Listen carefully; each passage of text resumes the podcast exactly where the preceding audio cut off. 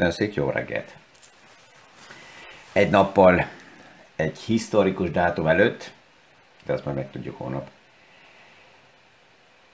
Nagyon szép jó reggelt! Egy következő PFS Kávézat podcasthoz ma azt a headline-t, azt a címet fogjuk megvilágítani, hogy az Európai Központi Bank figyelmeztetést adott ki ingatlan hitelekkel kapcsolatban. És ma arról fogunk beszélgetni, hogy én ilyen figyelmeztetéseket hogy kezelek, milyen szemszögből uh, világítom meg. Mi is aktuális pénzpiaci témákról, összefüggésekről beszélgetünk. Gazdaságról érthetően János Zsoltal. Üdvözlünk mindenkit a mai PFS Kávézac podcaston. Ma reggel rengeteg téma van, amiről beszélgethetnénk. Az első, amire ping szinte lehet kocintani, az a Dow Jones Indexnek a tegnapi 36 ezer pont átlépése, és ha csak visszagondolunk egy évvel ezelőtt, még a piacban nagyon erős volt a félelem, nem lehetett tisztán tudni, mi lesz. Sikerül Donald Trumpot leváltani, vagy nem, és a tegnap 36 ezer. Tehát valójában a, a tegnap előtt már átlépte a 30, 36 ezer pontot az index. Után visszaesett, és a tegnap 36 ezer fölött is zárt. Ma lehet a következő historikus nap, a DAX, a német index, a 16 ezer pont közelébe van, és csak hogyha visszaemlékszünk, nem is olyan rég, hogy um, legalábbis úgy érzem, hogy nem is olyan rég, hogy a historikus magikus 10.000 pont határt átléptük. A két indexet nem lehet teljesen összehasonlítani, de az egy külön podcast témája lesz.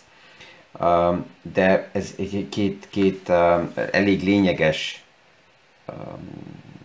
esemény, amit meg kell itt említsek, és azt mutatja, hogy mindegy, hogy milyen a félelem index, akár még egy eh, két hónappal ezelőtt, a legrosszabb opció nem a piacba lenni,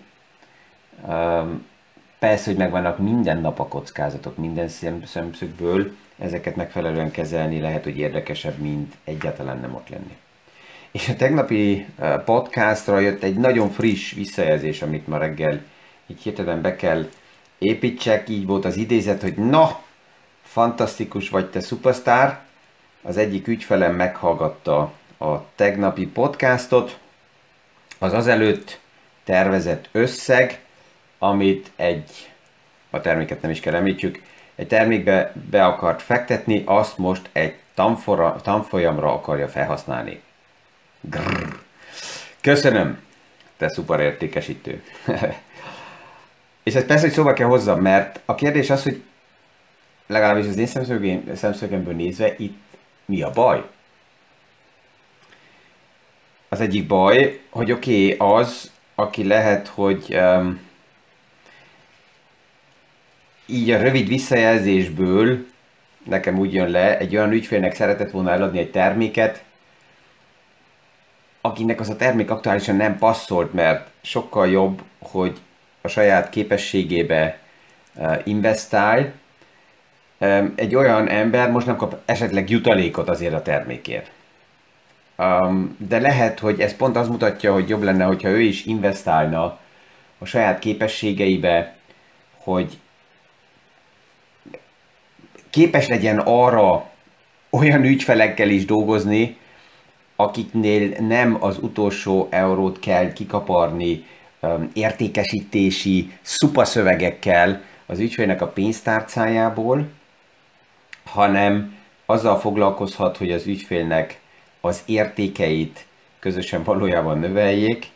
Tehát jó lenne, hogyha ő is saját magába investálna, hogy ez a képessége meglegyen átlépni a következő dimenziót ha az ügyfél ezt tényleg megteszi, akkor azt kell mondjam, hogy nekem tetszik ez az ügyfél, és vele szívesen megyek tovább, mert azon keresztül, hogy a saját értékét növeli, azon keresztül a jövőbe több szemszögből az ő értéke is növekszik, és vele dolgozni érdekes lehet. Ennyi a tegnapi naphoz, ez szükséges volt, mert ez így a tegnap bejött, és gondoltam, hogy ez már reggel így, így csak be kell építsem. Azt is hozzá kell mondjam, hogy a reggeli podcastok, azok biztos, hogy nem értékesítőknek tippeket adó um, adások, az egy egészen más témakör, tehát hogyha valakinek ez a, ez a célja, és azt szeretné, hogy oké, nézzük meg, hogy milyen kommunikáció és értékesítési eszközök vannak, lépések, lehetőségek, akkor arról is tudunk beszélgezni. Ez itt a podcastnak nem a, nem a helye. De térjünk vissza az Európai Központi Banknak a figyelmeztetéséhez. Ez, ez, ez, mi van mögötte, ezt hogy kezelném? Az egyik, hogy amikor bármilyen befektetést valaki hitelből finanszíroz, akkor az már egy bizonyos kockázat forma, hogy hitelből finanszírozott befektetés. Miért? Az egyik, a hitelnél van egy pár paraméter, amit nagyon tisztán meg kell nézzek, hát, hogy mi fog történni például a kamattal a futamidő alatt. Megvan a lehetőség fix kamatú hitelt felvenni, és akkor egy olyan esetben, hogyha a kamatok emelkednek, és ebbe a szerződésbe ez teljesen tisztán le van írva, hogy nem emelkedhetnek a kamatok, akkor ez akár jó is lehet. A másik pedig, hogy az az investíció, amiben belement valaki, annak mi történik az értékével, tehát milyen áron vettem ma meg, és mi fog történni akkor, amikor azt az investíciót vagy azt a befektetést el fogom adni. Persze az is egy nagy kérdés ilyen esetekben, hogy hány éves az ügyfél, egy 25 éves, 30 éves fiatal családnak a helyzete, amikor a saját ingatlanba investálnak és ezt felépítik, egészen más tud lenni, mint egy 50-60-70 évesnél, akinek már megvan a szélesebb portfóliója, és esetleg ott az ingatlan levásárolja. Az ingatlanok azok, amelyeknél a leginkább azért, hogy a számokat optimalizáljuk, vagy optimalizálják, megjelennek a hitelek. Ez egy másik összefüggés ugye ebbe a témába, és hát ugye az Európai Központi Bank szerintem jól jár, és ez fontos a figyelmeztetés kiadni, mert aktuálisan a nagyon alacsony kamatszint mellett, plusz, mivel a pénzpiaci iparág, a bankok keresik a lehetőséget, hogy hol tudnak valamilyen formában még marzsokat elérni, pénzt keresni, ezért ez is ilyen ciklikus fejlődésekbe megy, hogy újra és újra kialakul egy olyan helyzet, hogy elkezdenek bankok akár 100%-ig uh, ingatlanokat hitelből finanszírozni. Ez persze mindig összefüggésben van annak a bonitásával, aki a hitelt felveszi, tehát több paraméter van, ami nagyon fontos, de mindig, amikor kezdem hallani az ügyfelektől azt vissza én is, hogy mi, János úr, nulla kamat, az ingatlan így sem, úgy sem kockázat, tehát ez egy tuti biznisz, ebbe bele kell menni. Akkor azt szeretem mondani, hogy higgyük el, hogy ezt a tuti gondolatot már többen is felfedezték, ez általában hajtja felfele az árakat, és azt is meg kell nézzem, hogy Európának melyik részébe investálok ingatlanokba, ezt látjuk, hogy egészen különbözően reagál Európa is, de országokon belül is a különböző regiók az ingatlan hullámokra, van olyan regió, ahol az ingadozás alig 5 százalék maximum plusz-minusz sáv, tehát kettő fel, kettő le a legrosszabb esetekben is, de van olyan regió is, akár 30-40 százalékos a kilengése az ingatlan piacnak, plusz 18 hónap Covid után még nem látjuk teljesen, hogy um, az egész Covid szorítnak, a lockdownnak a megváltozott menetrendeknek mi lesz a hatása az ingatlan árakra. Van olyan regió, amelyik nagyon erősen profitált, van olyan ingatlan, amelyik nagyon erősen profitált a Covid hatásából, de ugyanakkor van olyan regió is, ahol nagyon-nagyon csökkentek az árak, mert azt az ingatlan infrastruktúrát érintette az egész lockdown és megváltozott um, munkaparaméterek, csak itt gondoljunk ugye a, home office sztorira. Tehát ami, ami nagyon döntő, hogy mindig, amikor az a hangulat kialakul bármelyik befektetése, és ezt ügyfelek nekem is néha kimondják, hogy de hát ott nem történhet semmi. Akkor érdemes ezt kritikusan megvilágítani, mert igenis minden itt történhet. Sok minden. És ez ugyanígy megvan az ingatlanoknál is. Um, amikor ingatlan fejlesztők mondják nekem azt, hogy mennyire tuti a biznisz, akkor ezt távolról is egy kicsit óvatosan közelítem meg. Miért? Hát azért, mert nekik érdekük felmutatni azt, hogy mennyire érdemes oda investálni, mert mennyire uh, uh, fantasztikus a jövőkép. Egy dolog azért van, uh, ami, ami ellen szinte mindenki mozdul Európába, az a demográfiai fejlődés, mivel a nagyon erős generációk, akik infrastruktúrát, lakásokat, munkahelyet, vagyont építettek fel, ezek kezdenek kvázi abba az életkorba kerülni, ahol már nem felépítő investíciókba mennek, hanem akár felélik azt, amit felépített tartalékot, vagy visszaveszik az igényeket, vagy rájönnek, hogy a nap végén nem tudnak semmit elvinni, az utolsó pizsomának nem lesz zsebe, azok nem investálnak olyan erősen, és már, már megjelennek olyan remények, hogy miért fog tovább is emelkedni a, az ingatlanpiac, hogy például egy egyetemi professzor um, uh, nézte meg, hogy hogy néz ki kritikusan az európai ingatlanpiac a következő évtizedekben, és azt állapítja meg, hogy a háztartások száma 2060-ig,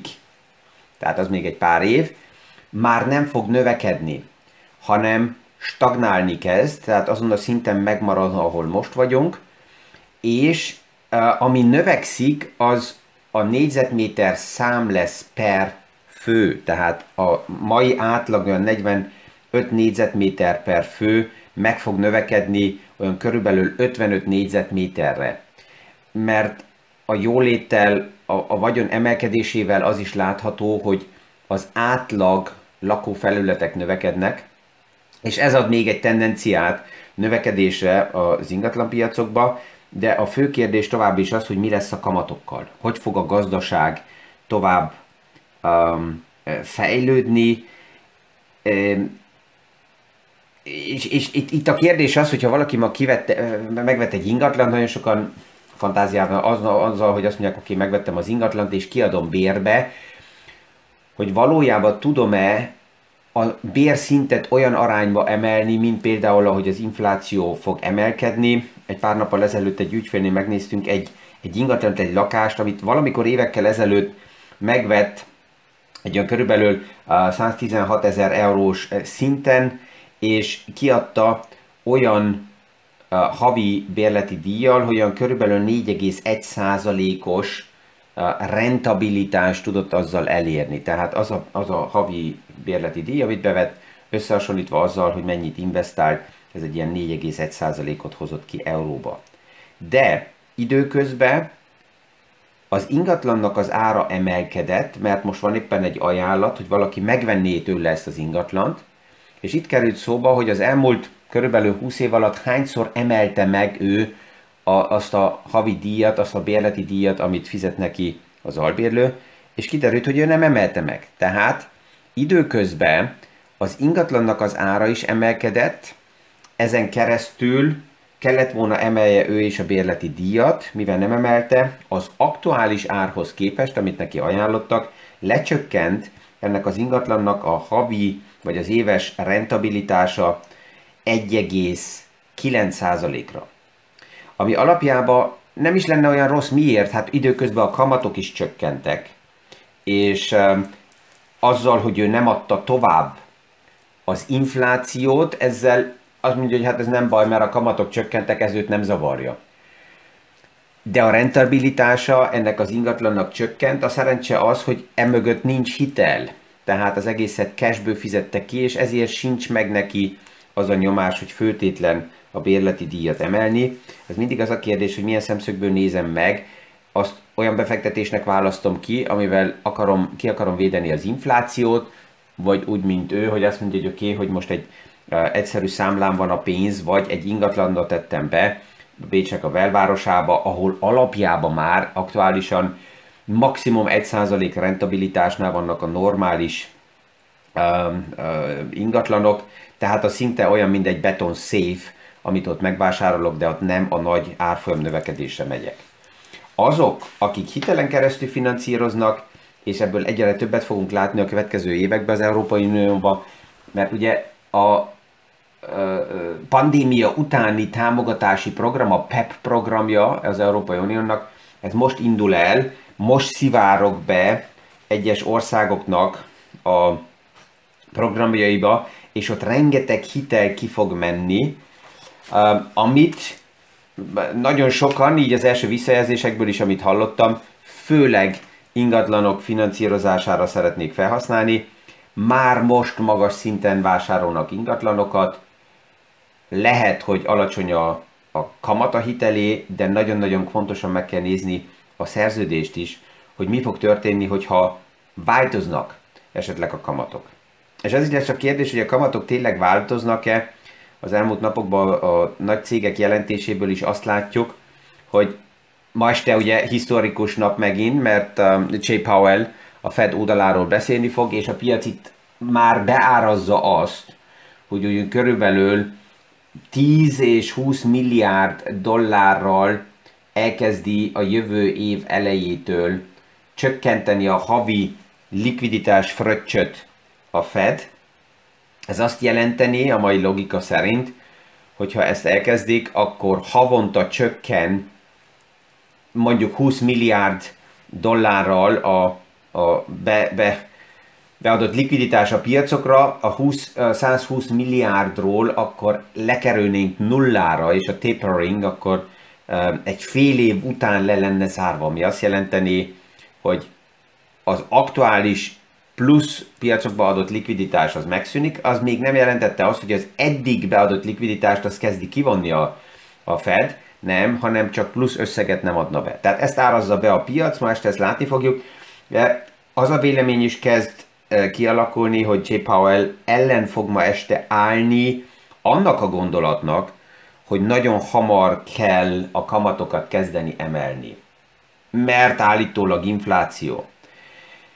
Mi már beszélünk itt ebbe a körbe egy olyan körülbelül na két-három hónapja arról, hogy a jelek, hogy az infláció azzal a dinamikával, ami elindult, nem fog tovább menni, erősödnek. Beszélünk arról, hogy nagyon sok emelkedő ár elkezdett csökkenni. Itt kezdjük csak a konténereket, az alapnyersanyagokat, a chip szektornak a problémáit, tehát az egész supply chain beszállítási láncoknak a problémái kezdenek helyreállni, ezt tudom, hogy a média még nem hozza, mert a hétvégén is még azt lehetett olvasni itt Ausztriában, hogy ú, a beszállítási láncok mennyire katasztrófák és tovább is nem működnek. A háttérben, a gazdasági számokban már másokat látunk, és 2022-re már kezdenek azok a jelek is megjelenni, hogy az idén látott inflációból még nem defláció, de nagyon erősen csökkent infláció lehet, akár negatív infláció is lehet. Miért? Hát azért, mert a 2022-es infláció érték az 21-el van összehasonlítva. És hogyha az az előtti évvel hasonlítom össze, akkor mindig az a kérdés, hogy milyen az alapeffektus. 2021-ben az infláció azért tűnik nagyon erős, na- nagynak, mert 2020-szal hasonlítottuk össze, ahol deflációba került a gazdaság. Megvolt a, a lockdown, és mindent megállítottunk, tehát ehhez képest hasonlítva 21-be kvázi szinte logikus volt, hogy jött az infláció, és ezért is a, a központi bankok az átmeneti inflációról beszéltek. A vállalatoknál azt halljuk a jelentésekbe, és ez most lesz ezen a héten újra a jelentéseknek a szezonja ugye lezárva, hogy nagyon-nagyon sok vállalat a jelentéseket, ha megnézzük, akkor szinte 83-84 százaléka a jelentéseknek magasabb volt, mint amit elvárt a piac. Az aktuális um, gyártási struktúrák Ázsiába kezdenek normális ütembe beleállni. Joe Bidennek úgy néz ki, hogy az infrastruktúra programja sikerülhet esetleg um, ez most ezen a héten ugyanúgy döntő lesz, mert ugye van a választás Virginiába, és ez a választás abból a szempontból is érdekes, mert pillanatnyilag sajnos úgy tűnik, hogy ez elég erős ellenszél lesz Joe Bidennek, ha, ha ez így marad, ahogy a kép pillanatnyilag van, akkor a uh, midterm election, tehát a jövő évre tervezett um, um, elnökségi kvázi középválasztás ez oda vezethet, hogy elvesztik Joe Biden és a pártja a szenátusba is és a kongresszusba is a, a többséget, de ennek ellenére úgy tűnik, hogy az infrastruktúra programra jön. J. Powellnek a második um, na, hogy mondják, um, Amtszet, a második időszak, hogy ő Fed elnök legyen, ez is nagy valószínűséggel jöhet, még nem végleges, de jöhet. Um, és még miért lehet a jövő évre alacsonyabb infláció? Nagyon-nagyon sok cég pillanatnyilag több árut megrendelt, és ezt a chip szektorban már hallottuk, mind amennyire szükség volt. Már azért is, hogy a raktárokat újra feltöltsék. Ez azt jelenti, hogy ha az idén a megrendelések túl magasak, és a jövő évben csak normális szintre kerül újra vissza a fogyasztás és a gyártás, akkor a raktálokat valamilyen forma kell üríteni. Tehát például a konténereknek az ára is azért csökken, mert az üres konténerek a nagyon sok konténer beszállítása után ott vannak a, kirakat, a kikötőkbe, és hát a kikötőknek kell a hely, és ezért minél hamarabb próbálják akár nagyon uh, olcsón is a konténereket kiadni. A hétvégén beszélgettem egy olyan um, cégnek a vezetőjével, akik nagyon benne vannak az inga, a konténereknek a forgalmazásába, és azt mondja, hogy a hangulat már olyan egy pár kikötőbe, hogyha még várnak egy pár hetet, akkor lehet, hogy a kikötők kezdenek nekik fizetni azért, hogy elvigyék a konténereket, mert kell a hely, és az zavar, hogy nem tudják a karácsonyi árukat kirakni. Um, tehát ezek mind olyan jelek, amik azt mutatják pillanatnyilag, hogy az az infláció nyomás, amit az idén láttunk, az valójában transitory, tehát átmeneti lehet, és erre figyelni fog ma este a piac, amikor J. Powell ezt a kilátást fogja kommentálni, hogy um, hogy néz ki a kilátás az inflációval kapcsolatosan. Az autóiparák tovább is nagyon-nagyon erősen uh, felpörgeti a, a, a, a gyártásokat. Skoda is jelezte most, hogy ő is gondolkozik, hogy a Toyota modellbe belemegy, tehát 24 óra, 7 nap uh, gyártásba, a beszállítási problémák a chipszektor oldaláról megoldódnak, és ez azért lényeges az autóiparágnak a fejlődése, mert az egész beszállítási lánci probléma a tavalyi évben onnan indult el. Lehet, hogy ez már nagyon komplex volt, rengeteg téma van itt az asztalon, de gondoltam, hogy ezeket mindig egy picit érintem. Az ingatlanpiacnak a témája, és ott az ingatlanhitelek fejlődése és a figyelmeztetés az Európai Központi Bank oldaláról. Ma este fogjuk nézni, hogy akkor mit mond a Fed. Hónap reggel ez biztos, hogy kommentálni is fogjuk. És ja, kíváncsi vagyok, hogy ma sikerül-e a DAX-nak a 16 ezer pontot, hasonlóan, mint a Dow Jones a 36-ot az elmúlt napokban átlépni. Ezzel kellemes napot kívánok mindenkinek, mint mindig viszonhallásra a hónap reggeli kávézac podcastig. Mi is aktuális pénzpiaci témákról, összefüggésekről beszélgetünk. Gazdaságról érthetően János Zsoltal. Üdvözlünk mindenkit a mai PFS Kávézac podcaston!